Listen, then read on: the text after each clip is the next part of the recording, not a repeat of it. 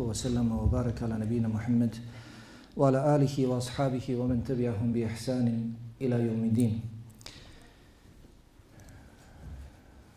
Assalamu alaikum wa rahmatullahi wa barakatuh. Sva slava i hvala neka je Allahu jalla wa ala neka je sva slava i hvala samo njemu uzvišenom Allahu subhanahu wa ta'ala onolika kolika je njegova veličina i koliko samo njemu jalla wa ala i dolikuje. Neka su salavati i salami na Allahov poslanika i miljenika Muhammeda sallallahu alaihi wa sallam, na njegovu časnu porodicu, sve njegove drugove ashabe i sve one koji ga dosljedno slijede do sudnjega dana.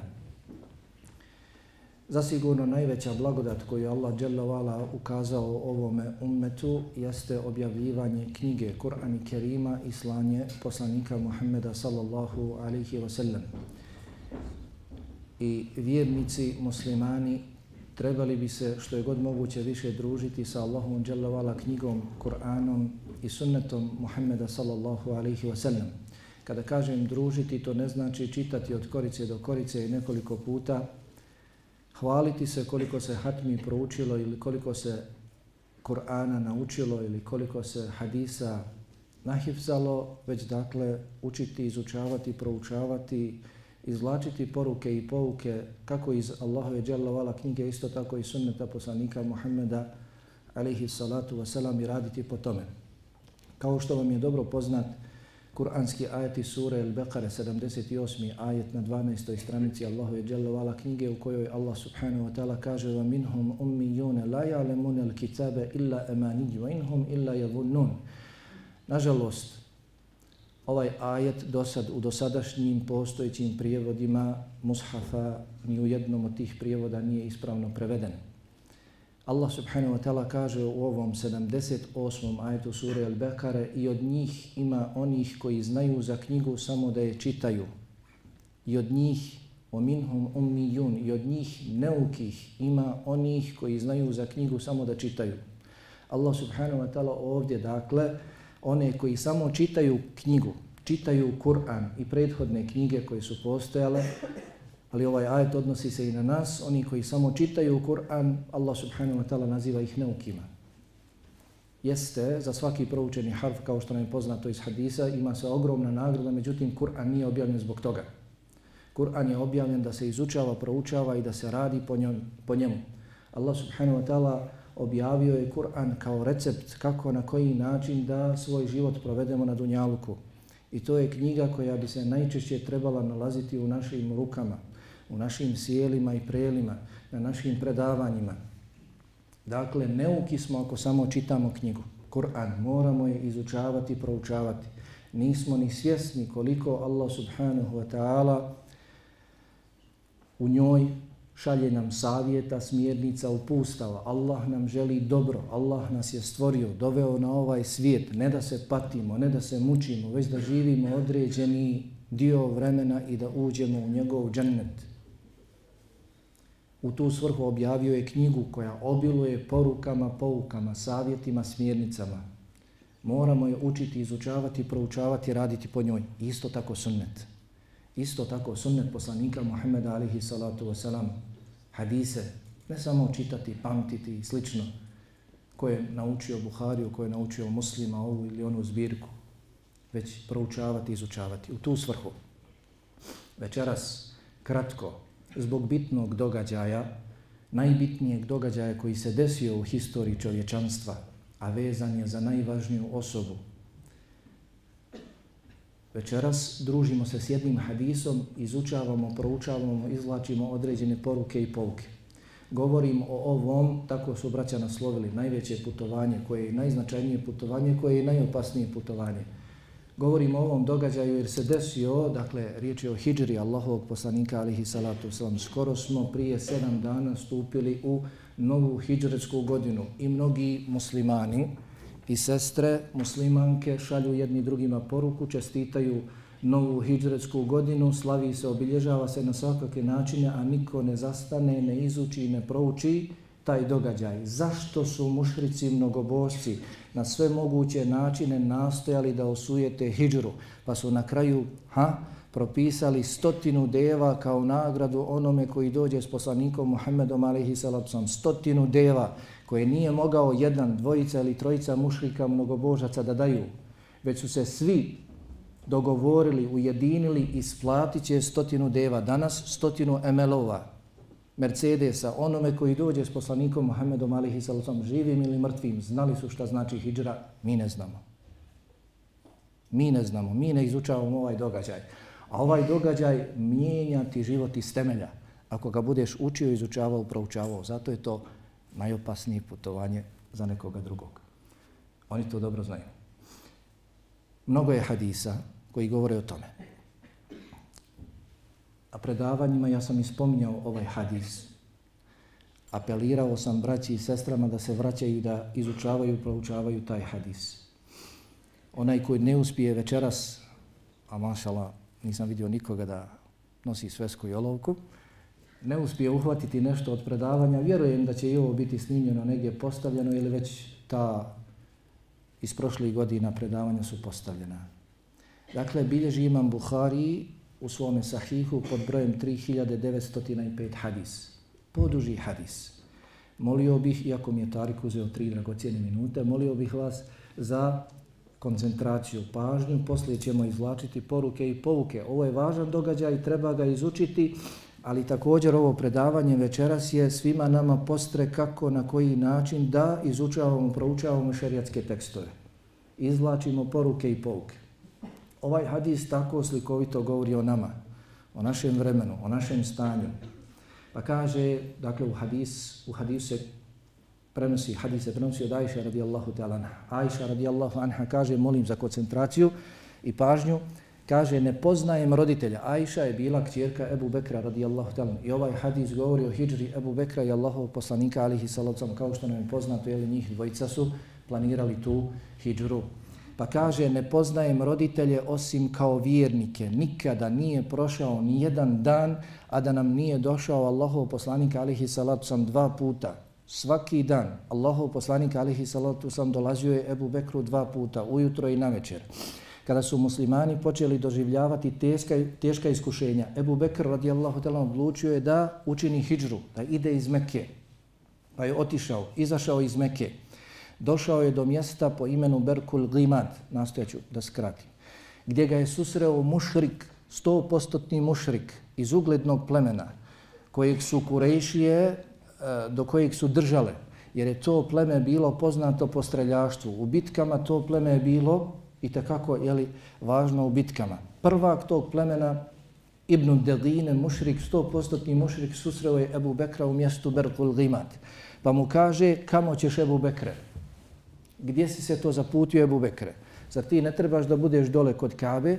Zar ti ne trebaš da budeš dole u Mekki? Kaže Ebu Bekr radijallahu talan, moj me narod istjerava. Moj me narod istjerava. Ne želi me u svojoj blizini. Ne odgovaram im. Ne vole me ovakvog.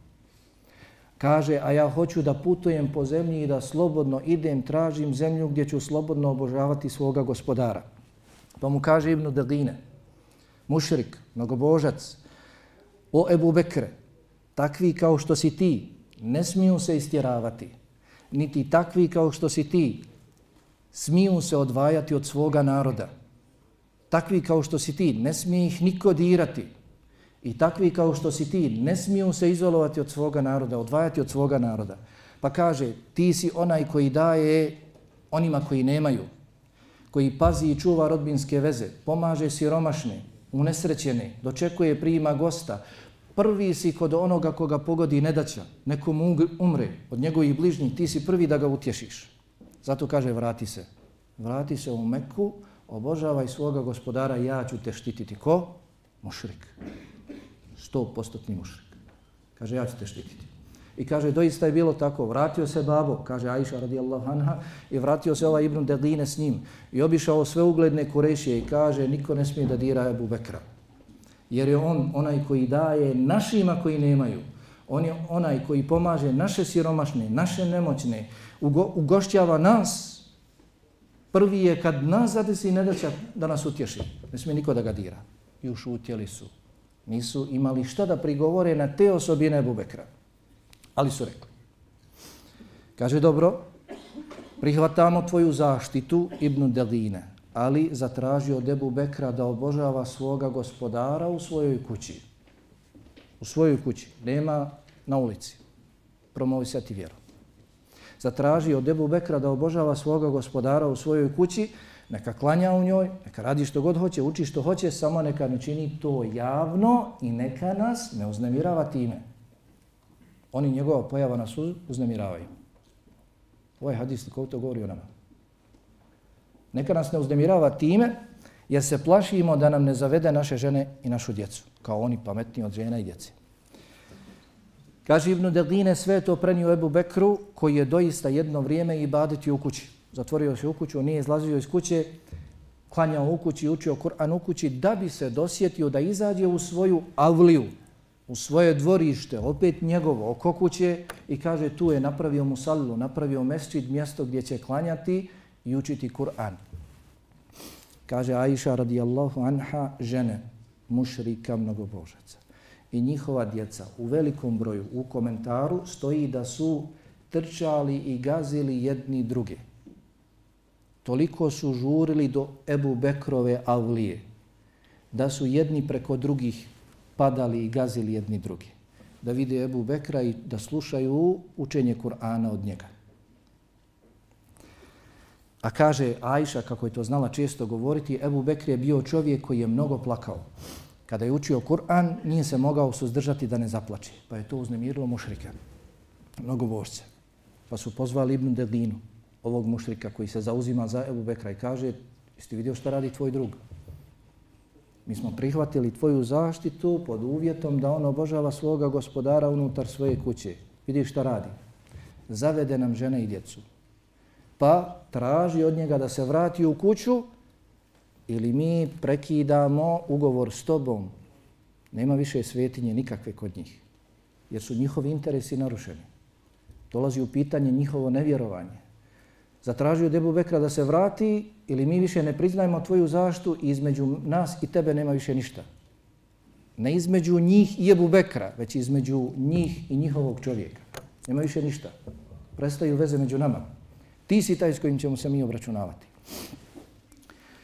Pa je Ibnu Deline i zatražio od Ebu Bekra i rekao ti znaš šta sam ja tražio od tebe ili se toga drži ili mi vrati moju zaštitu. Ja ne želim da se pročuje među Arapima da sam ja pronevjerio ugovor koji sam sklopio. Pa Ebu Bekr radijallahu ta'ala rekao vraćam ti tvoju zaštitu i oslanjam se na Allaha dželjavala.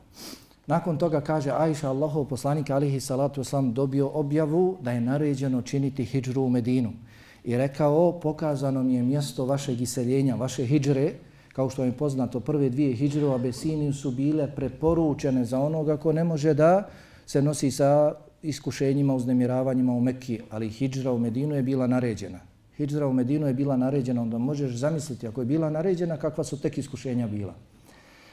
Pa kaže, pokazano mi je mjesto vašeg iseljenja, mjesto sa palmama između dva kamenjara, to je zemlja crnog kamena. Pa su otišli, počeli ashabi da idu, da čine hijđru u Medinu. Kaže Aisha i Abu Bekr, babo, pripremio se da ide, da čini hijđru. Pa je to Allahov poslanik alihi salavcom primijetio, te mu prišao i rekao polako, ne žuri. I ja čekam da mi se dadne dozvola da učinim hijđuru. Polako, ne žuri. I ja čekam dopuštenje da mi se dopusti da činim hijđru. Pa je Ebu Bekr radijallahu ta'ala shvatio da želi njega, Ebu Bekra, poslanika alihi salatu wasalam, u društvu, da zajedno obavljaju, obavljaju hijđru.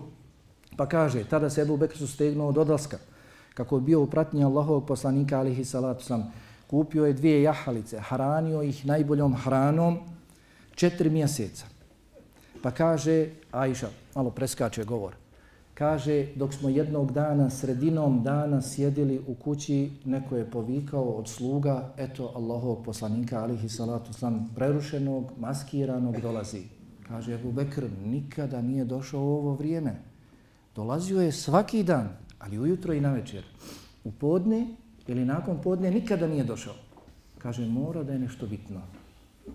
Pa Allahov poslanik alihi salacom nakon što je Allahov je poslanik, ali se traži dozvola u kuću, ne onako se bahne, o he, evo mene, traži dozvolu, dopušteno mu, ulazi i kaže, izvedi sve iz kuće. Svi neka izađu iz kuće. Kaže Ebu Bekra, Allahov poslaniće, to je samo moja, tvoja porodica. Kaže, dopušteno mi je da činim hijđru. Kratko. Čak u arapskom jeziku još krađe se kaže. Ebu Bekr kaže, s tobom u društvu, s tobom u društvu. Pa u drugim, ovaj događaj, kao što je poznato, knjige su o tome pisane, ima brojne citate, tada je u drugom citatu se spominje Abu Bekr radijalatan zaplakao. Kaže, Ajša, to je moj bio prvi slučaj da sam, vidio, da sam vidjela nekoga da plače, da plače iz radosti, od radosti, iz dragosti. Pa nakon toga kaže, Ajša pripremio ih je najbrže što se moglo, jahalice babo, spremili smo hranu, stavili ranac, tada Esma, njena sestra, druga kćerka Ebu Bekra radijallahu ta'ala otkinula je jedan komad pojasa. Pojas s kojim je vezala jeli, svoju haljinu, popolovila je na dva dijela. Jednim dijelom je ponovo pritegnula, pričvrstila svoju haljinu, a drugim dijelom pojasa je privezala hranu, odnosno rance za jahalice. I tada je i dobila naziv vlasnica dva pojasa.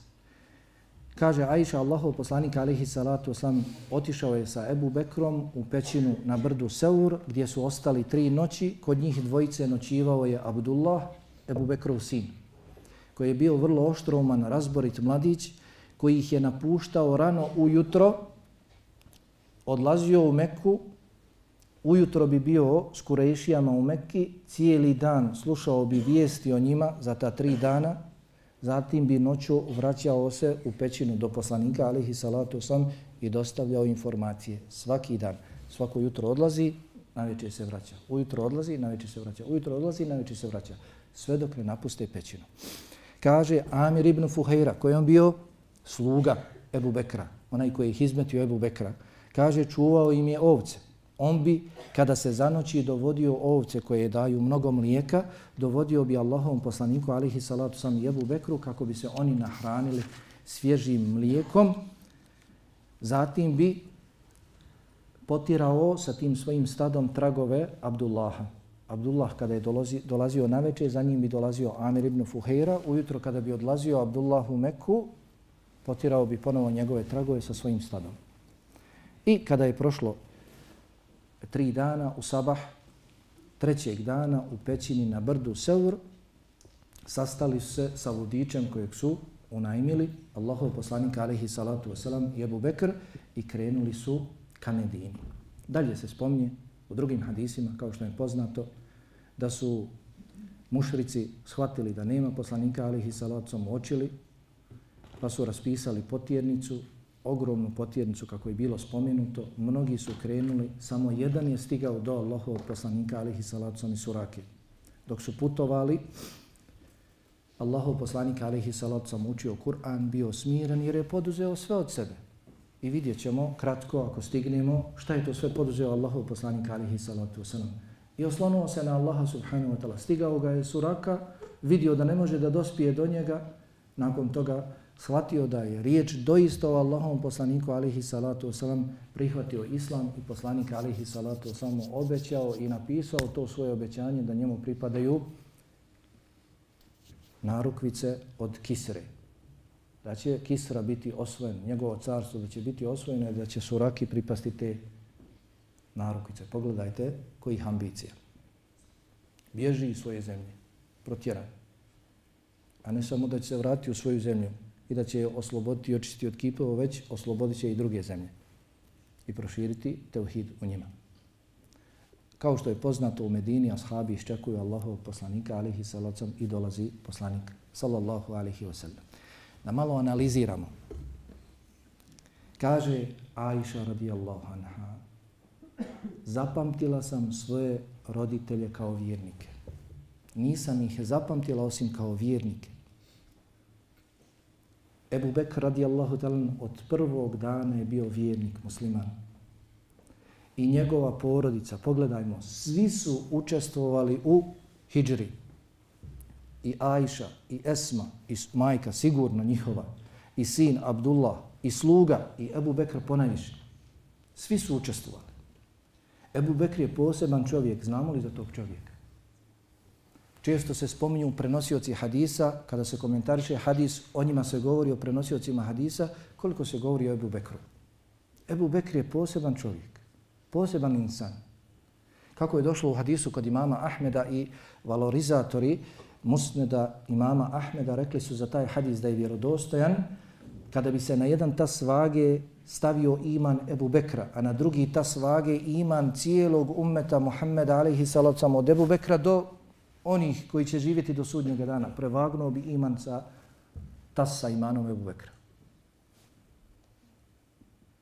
Kada bi se na jedan tas vage stavio iman Ebu Bekra, a na drugi tas vage stavio iman svih koji su došli nakon Ebu Bekra, prevagnuo bi tas sa imanom Ebu Bekra. Koliko znamo Ebu Bekra? Pogledajte, ovo je najvažnije putovanje koje se desilo u historiji čovječanstva. U njemu je učestvovao Ebu Bekr. Zatim vidimo koliko je Ebu Bekr brinuo za svojom porodicom. Toliko bio zauzet davetom u Mekke.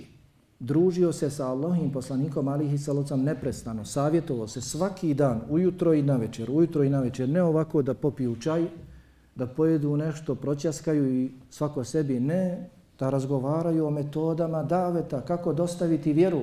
I pored toga nije zapostavljao odgoj svoje poroce. Evo vidimo, svi su učestvovali u hijđri. Odakle nama opravdanje? Kakvo mi imamo opravdanje da zapostavimo svoje porodice, svoje supruge i svoju djecu? Ebu Bekr radijallahu tam toliko bio zauzet. Čime smo mi zauzeti, čime je on zauzet? I opet imamo vremena za svoju porodicu i za svoju djecu. Čime smo mi zauzeti? Zauzeti čime je on bio zauzet?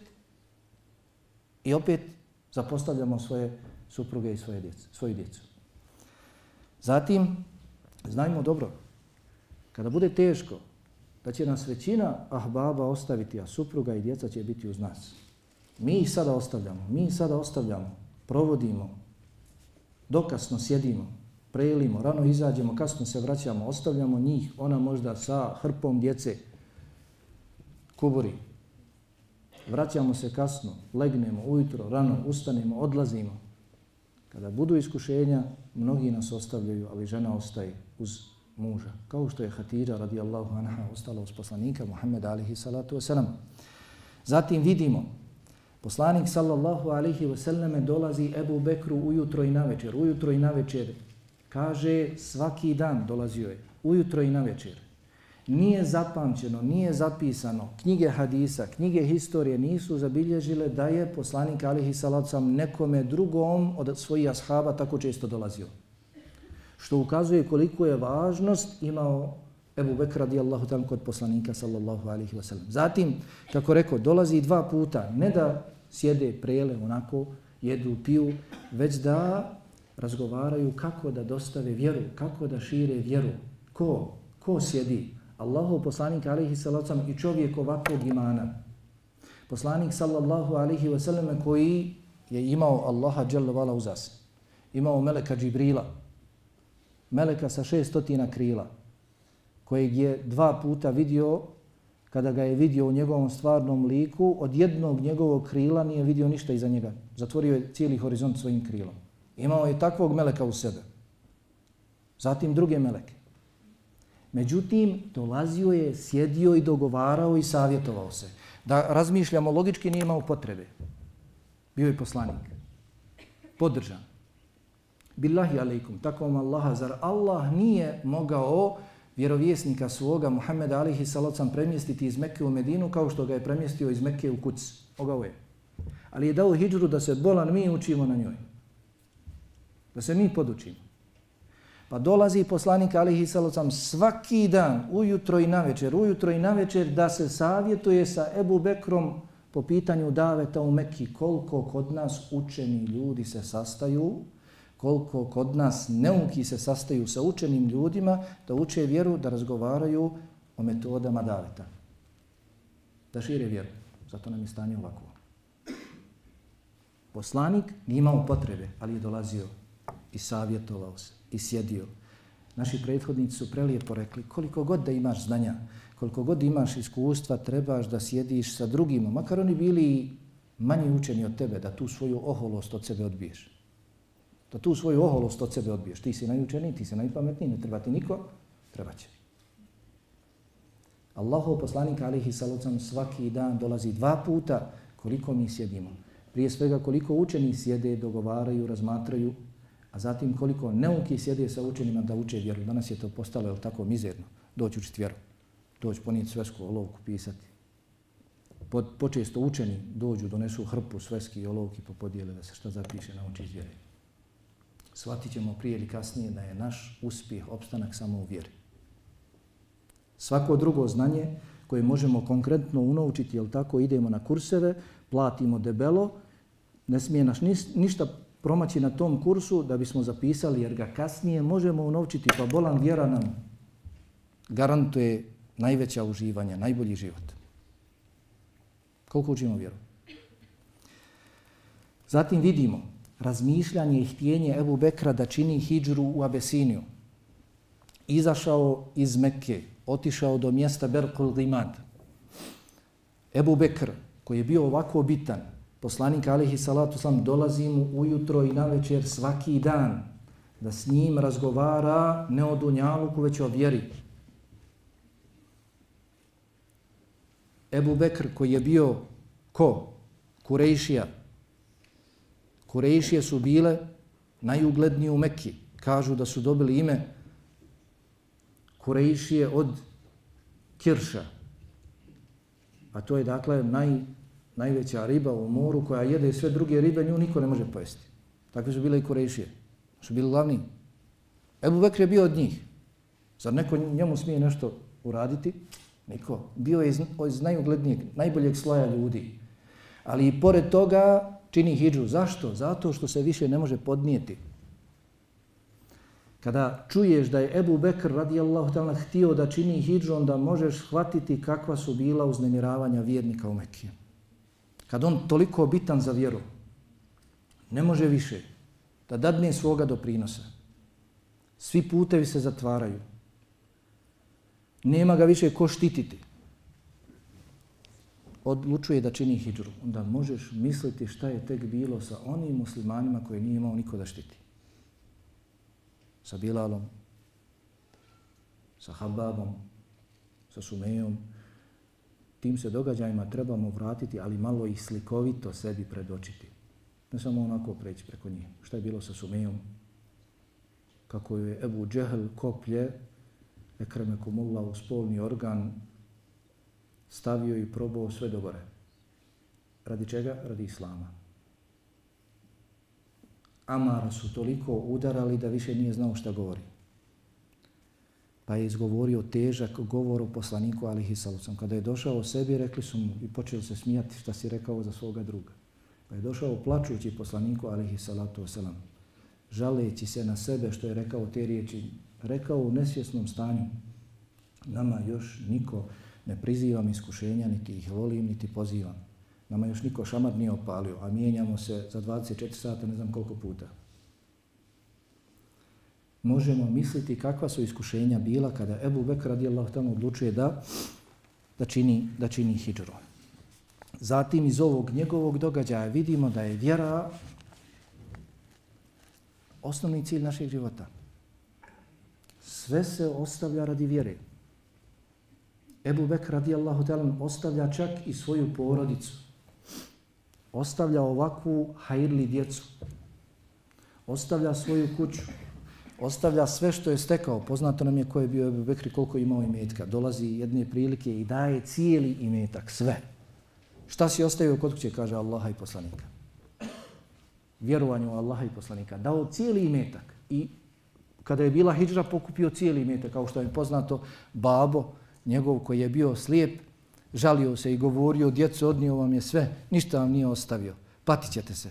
Pa je Esma, pošto je djed bio slijep, stavila pod platno kamenčića koji nalikuju dinarima i dirhemima, pokrila platnom i dovela djeda da opipa rukom da misli da je da su dirhemi ispod, da su zlatnici i srebrnjaci ispod. E, kaže, ostavio vam je mnogo. On ništa nije ostavio. 5000 dirhema pokupio, sve što je bilo u kući pokupio. Ako ih neko presretne, zarobi na putu hijđre da se otkupe time. Sve dao. I kuće ostavio, i porodicu ostavio, sve radi vjere. Koliko ja i ti žrtvujemo za vjeru? Šta sam ja danas, šta si ti danas, šta si ti danas uradila za Allahovu vjeru? Pitamo li se? Igramo dobro ston tenisa, prebacujemo lopticu samo na drugu stranu. Čekamo izlaz s druge strane. Neće biti napretka islamu sve dok svaki od nas ne kaže neće islam napredovati dok ja ne budem radio za vjeru. Kada to svaki od nas kaže, tek će tada islam napredovati.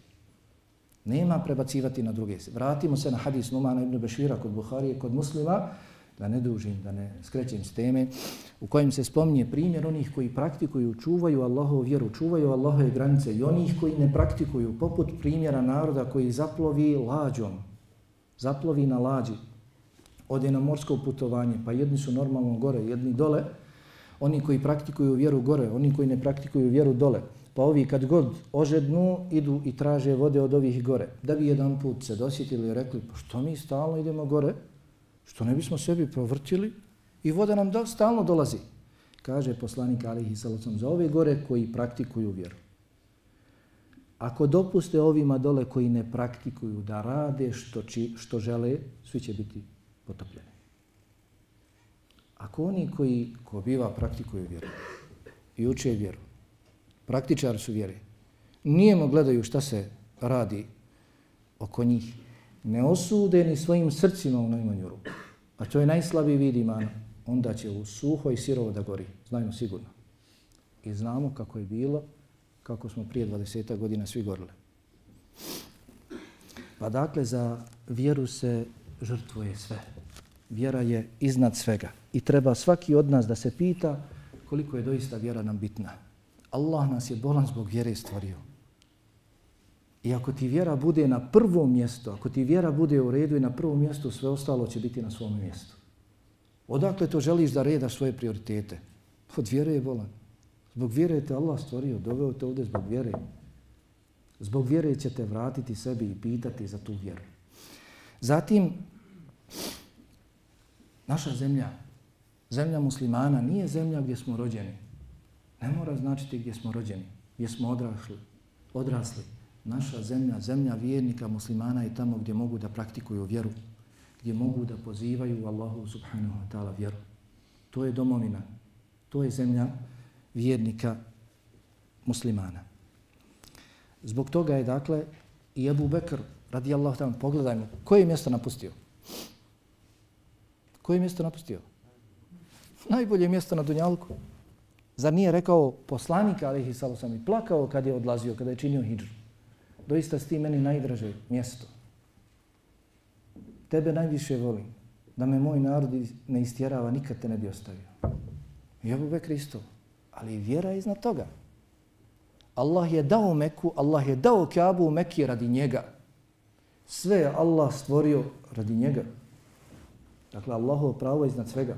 Pa ako treba ostaviti i Kaabu, ako treba ostaviti i Meku, ako treba ostaviti i Medinu, radi Allaha, ostavlja se da se sačuva, da se sačuva vjera.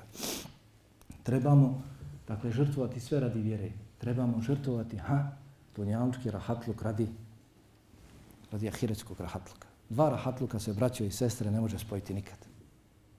Dva rahatluka se ne mogu spojiti. Onaj koji odmara od nečega ne može opet odmarati. Ili to nije istinski odmor. Odmor dolazi tek nakon umora. Rečeno je Hasan al-Basriju kada je primijećen kako mnogo posti, kako je iscrpljen od ibadeta, kaže, pa nemoj da patiš svoju dušu, kaže, naprotiv, rahatluk joj želim. Rečeno je, nemoj patice, nemoj patiti svoju dušu, kaže, rahatluk joj želim, misleći na rahatluk, ahiretski.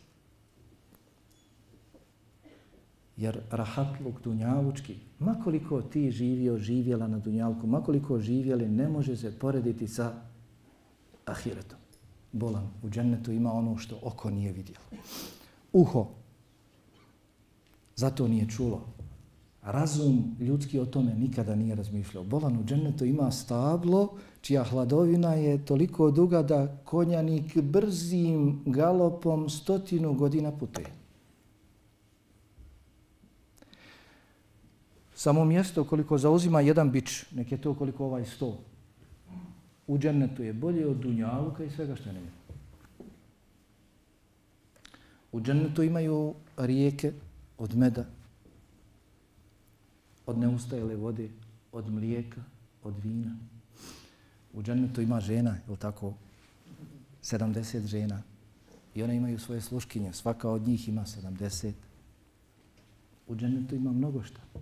Ovaj dunjaluški rahatluk, zar ne zna, zar nam nije poznat hadis? Jeste poznat, ali daleko smo mi od tih hadisa. Nismo, kao da nismo ubijeđeni u njega. Da će se čovjek, onaj koji je uživao najveća uživanja na dunjaluku, samo zehru trenutak biti bačen u džehennem, uvesti u džehennem, izvaditi, pitati šta si uživao, kaže, ola ništa. Sve zaboraviti. Kada vidi džehennemsku vatru i kada osjeti na svojoj koži, kada osjeti hutamu, hutama, jedno od imena džehennema koje spaljuje za kratko vrijeme, sve spali. Sve. Koja će biti, ha? Alihi mu'sade, inneha alihi mu'sade, koja će biti nad džehennemlijama zatvorena. Vatra je veća, žešća na otvorenom prostoru ili na zatvorenom? U zatvorenom? U zatvorenom. Inneha alihi mu'sade, fi amedi mumeddede i zatvorena sa stubovima. Vrata iza vrata će biti stubovi ovako. Nema otvoriti vrata. Vrata zatvorena i još poduprta stubovima. Ima izaći. Zato treba čovjek, makoliko živio na Dunjaluku, treba to, dakle, da žrtvuje za ahiret, za svoj ahiret. Poznato je ashabi, ali tako kada im kaže poslanik alihi salocam, ustanite i požurite ka džennetu koji je prostran koliko su prostrana nebesa i zemlja. Pa kaže jedan od ashaba, uf, uf. Kaže, šta te navelo na te riječi? Pa kaže, navela me tolika veličina dženneta poput nebesa i zemlja da ja ne budem od njih. A da ja ne uđem u takav džennet koji je toliko prostran koliko su prostrana nebesa i zemlja, a da ja ne radim da uđem u taj džennet. Toliko prostran džennet ima mjesta za mase, a da ti i ja ne radimo za njega. Da ti i ja ne žrtvujemo dunjaluk svoj prolazni, kratkotrajni za njega. Zatim, šta je rekao mušrik, sto postotni mušrik Ebu Bekru, radi Allahu talan, kada ga je susreo i rekao, otko tebe ovdje, što ćeš ti ovdje, zar ne trebaš da budeš dole, vrati se, jer ti ne smiješ se odvajati od svoga naroda. Hajrli ljudi, ne smiju se odvajati od svoga naroda, makakav taj narod bio, moraju popravljati stanje. Niko neće biti pravi vjernik dok drugom svome bratu ne bude želio ono što želi i sebi svome bratu muslimanu prvenstveno, ali i drugima. Pa kaže, ne smiješ se odvajati, niti se smije kodirati. Zbog čega? Pa je spomenuo osobine. Koje osobine? Ti si onaj koji pomaže siromašni, nemoćni, daješ onima koji nemaju, ugošćuješ gosta, gostoprimlju si, održavaš rodbinske veze. Prvi si kod onih koji pogodi nesreća. Ove riječi je rekao ko kome? Ove riječi je još rekao ko kome? Rekla Hatidža radijallahu anha Allahom poslaniku alihi salosam iste ove riječi. Je tako? Kada mu je došla objava, pa se prepao, došao u kući sav usplahiren, uznemiren, rekao pokrijte me. Kada je otišao od njega strah, počeo je da priča kome? Svojoj supruzi. Supruga je uvijek tu uz tebe. Čuvaj dobro, budi ti uz nju. Pa je počeo da joj priča. Odmah je rekla, tako mi Allah, Allah te neće ostaviti iz nevjeriti. Ti si onaj koji pomaže siromašni, koji pomaže nemoćni, održava rodbinske veze, ugošćuje gosta, prvi je kod unesrećenih. Iste ove riječi. Iz čega učenjaci iz ovog detalja zaključuju, ova dva insana su vodila hijđru, isplanirala hijđru, najveće, najznačajnije, najopasnije putovanje i hijđra je uspjela, ako hoćete da vodite projekte, onda moraju da ga vode samo isti ljudi. Isti ljudi. Ako hoćete da pokrenete projekte i da ti projekti uspiju, moraju ih voditi isti ljudi.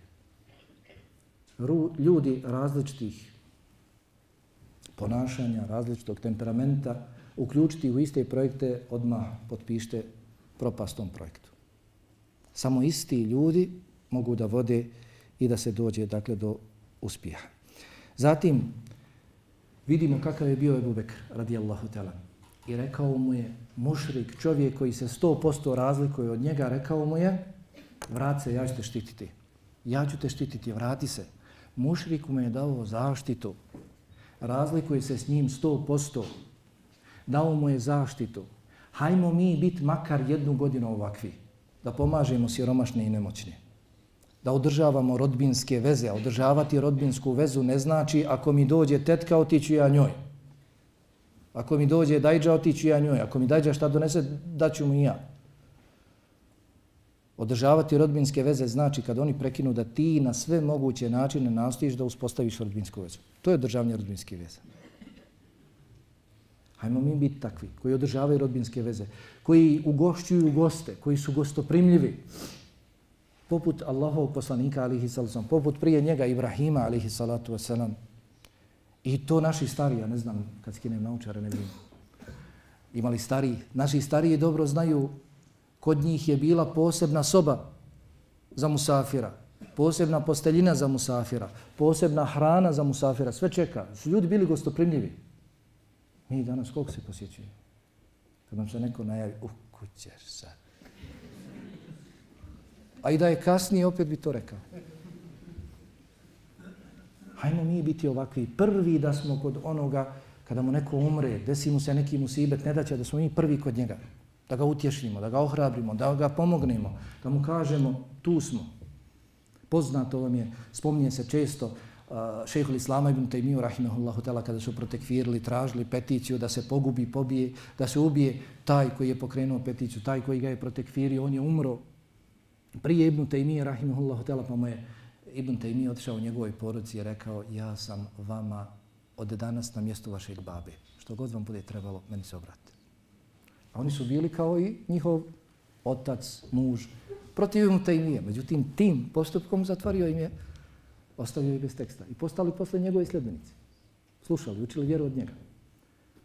Hajmo mi biti makar godnu dana ovakvi. Nema potrebe da išta pričaš. Nema potrebe za BKC-om, Skenderijom i ostalo. Hajmo biti godnu dana ovakvi. Da pomažemo siromašne, nemoćne, da održavamo rodbinske veze, da smo gostoprimljivi, da pomažemo nesrećene i nas će ovakvi, kakvi, takvi muslimani, kakvi su oko nas, podržati sigurno.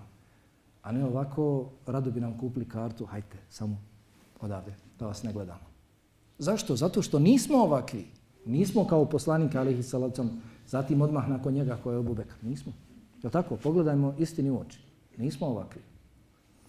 Zatim vidimo iz postupaka Ebu Bekra. Ovi postupci su prenose se na druge. Od ovih postupaka nema kori samo Ebu Bekr. Draga braćo, sestre, moramo se truditi da činimo dijela koja su od opće koristi. Ne samo dijela od kojih se mi okorištavamo, već od kojih korist imaju i drugi. Takva dijela su kod Allaha daleko vrijednija. Ako želiš sebi, dobro, ako želiš i sebi korist, znaj da su ova dijela kod Allaha subhanahu wa ta'ala daleko vrijednija dijela od kojih se i drugi okorištavaju. Što god se veći broj ljudi okoristi, to dijelo je vrijednije kod Allaha za tebe. Šejhul Islam ibn Taymiyyah rahimehullahu ta'ala kaže za sedbenike poslanika Muhameda alejhi Jesmo li takvi? Kažemo da jesmo. Dobro, ali nije samo mjerilo ono što kažemo. I da pogledamo kakvi smo. Kaže a'lamu bil haqqi wa arhamu bil khalq. Sljedbenici poslanika Muhameda sallam su oni koji najbolje poznaju istinu. To svi tvrdimo. Mi smo ti koje treba slušati. Ljudi, povedite se za nama. To će svaki reći od nas. Jel tako? Mi najbolje poznajemo vjeru. Mi ćemo svakome da pametujemo i držimo lekcije. Ali jesmo li ovaj drugi dio njegovog govora erhamu bil halq, jesmo li najmilostiviji prema svim stvorenjima, općenito. Kaže u svome dijelu El Aqidatul Vasitije, sljedbenici sunneta i zajednice pozivaju ka plemenitom moralu, lijepim dijelima, ubijeđeni su riječi Allahovog poslanika alihi salatu wasalam, da su vjernici najpotpunijeg imana, oni koji su najljepšeg morala, sljedbenici sunneta, postiču da uspostaviš vezu sa onim koji je prekinuo vezu s tobom, da daš onome koji tebi uskraćuje, da oprostiš onome koji tebi čini nepravdu, da naređuju dobročinstvo roditeljima, održavanje rodbinskih veza, lijep odnos komšijama, dobročinstvo prema etimima, nevoljnicima, putnicima, namjernicima, blago postupanje prema slugama, zabranjuju hvalisanje, nadmenost, neopravdanu primjenu sile, uzdizanje na drugima i s pravom i bez prava, naređuju visoki moral, zabranjuju prezrni. Koliko su mi takvi? Takva djela su kod Allaha dželovala daleko vrijednija. Hadis kod Buharije, kod muslima, od Ebu Horeire radijallahu ta'ala tom hadisu, kaže vjerovjesnik alihi salatu wasalam, onaj ko bude u hizmetu, onaj ko pomaže udovici i siromahu, taj je poput muđahida na Allahom putu ili onoga koji stalno posti ili onoga koji stalno klanja. Onaj koji pomaže udovici, a? mnogi se lako osmijanu, znaš, kada, kad se spomene udovica. Još ako je ostala kakva bogata, nema djece. Hadisi u kojima se spominje ermeletun, udovica, ne misli se na takve udovice. Ovakva nagrada da bude za takvu udovicu koju izmetiš i poslije godinu dvije oženiš i uživaš s njom, kada se u hadisima spomene armeletun udovica, misli se na ženu koja je ostala sa mnogo djece. I misli se na stariju ženu. Dakle, nema čovjek kao čovjek, kao biće, nikakvih prohtjeva, potrebe za takvom ženom. Pomaže je čisto radi Allaha. I ta žena je u velikoj, ogromnoj potrebi. Ona sama, stara, ne može sebi priskrbiti, zaraditi. Mnogo djece, dosta joj djece. To se misli u hadisima. Ko pomaže takve osobe, siromaha i ovakvu ženu, taj je poput borca na Allahovom putu. Poput, Tarki imaju ne tri moje, što si uzmano. Poput onoga koji stalno klanja i stalno posti. Zatim dobrim dijelima ćemo zasigurno otvoriti ljudska srca. Svako srce ima svoj ključ, a činjenje dobročinstva ljudima je ključ koji otvara njihova srca. Zasigurno. Hem što je takvo dijelo kod Allaha subhanahu wa ta'ala daleko vrednije, hem što je dakle to dijelo ko, koje otvara ljudsko srce. Ebu Bekr radijallahu ta'ala je dakle bio takav dakle, trebamo činiti dobročinstvo ljudima, raditi dijela od kojih imaju oni koristi. Ako je to tako, a jeste, nema vremena, evo već dva minuta, poznat su vam hadisi, žena koja klanja i preko obaveznih, mnogo dobrovoljnih namaza, žena koja posti i preko obaveznog posta, mnogo dobrovoljnog posta, žena koja podijeli sav svoj metak, ali svojim jezikom uznemirava komšije. Bio je upitan poslanik Alihi Salusam za nju, rekao je, hije finar, ona će biti u džahnemskoj vatri. Pa je upitan za ženu koja klanja samo pet dnevnih namaza, koja posti samo mjesec Ramazan, koja nešto malo odlomi suhog sira pa dadne siromahu kada dođe, traži, ali čuva svoj jezik. Ne uznemirava komšije, kaže ona će biti u džennetu. Ako u najmanju ruku ne možeš činiti dijela od kojih drugi imaju koristi, nemoj ih uznemiravati. Musliman je onaj od čijih ruku i čijeg jezika su sigurni drugi muslimani. Zatim, vrlo bitno, i s tim ću završiti. Nevjernici, sljedbenici laži i zabluda mogu da formiraju, oblikuju mišljenje masa zato što ne dozvoljavaju sljedbenicima istini da kažu ko su i šta su. Rekli su, nije problem, prihvaćemo tvoju zaštitu, ali reci Ebu Bekru da obožava svoga gospodara unutar svoje kuće. Nema izaći javno jer su oni formirali mišljenje javnosti. Muhammed alihi sallam takav, Muhammed je takav, njegovi drugovi su takvi.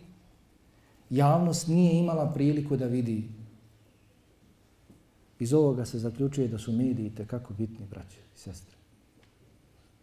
Čovjek treba da dadne zalogaj iz svojih usta da pomogne muslimanske medije koji šire istinu, poput televizije Igman, poput televizije Pet i ostali. Zalogaj, ako treba iz usta, dati. Mi moramo imati svoje medije. Oni mogu da formiraju vehabije, selefije, ovakvi, onakvi, zato što mi ništa nemamo mogućnosti da kažemo ko smo i šta smo. Ima pravednih ljudi koji su i nevjernici, ali su pravedni i znaju da je od pravde, ako želim da znam kakav je, da čujem od njega ono što on kaže, to je tako, mi ćemo da slušamo drugi. Svašta se može reći o njemu s drugih strana, ali ono što on kaže o sebi, to je tako. Pravedni ljudi to prihvataju. Mi nemamo sredstvo da kažemo ko smo i šta smo. Obožavaj svoga gospodara, ali unutar svoje kuće. Ako izađeš, zavešćeš nas, odvešćeš naš u zabludu. Dakle, trebamo imati svoje medije. Nisam stigao, kratko vam je, brate, vrijeme. Trebalo ste posle jacije, sljedeći put ne bude posle jacije. Ne, šta je, bilo? Ne, ne, idemo, idemo. Namaz je najpreći. Ko može neka se vrati na predavanje koje je održano negdje gdje nije bilo ovako ograničeno, pa će pronaći još mnogo poruka i pouka. Hidžru poslanika Alihi Salocom isplanirao sa 30-ak, 40 poteza. Dakle, priprema je uradio i ta hidžra je uspjela. Suraka jedini je stigao do njega. Mnogi su krenuli, ali jedini on stigao. Pa dakle, na strategiju treba uzvrat strategijom rade, svašta nam pripremaju, trebamo i mi raditi za svoju vjeru. Subhanakallahu wa bihamdika, ashhadu an la ilaha illa anta, astaghfiruka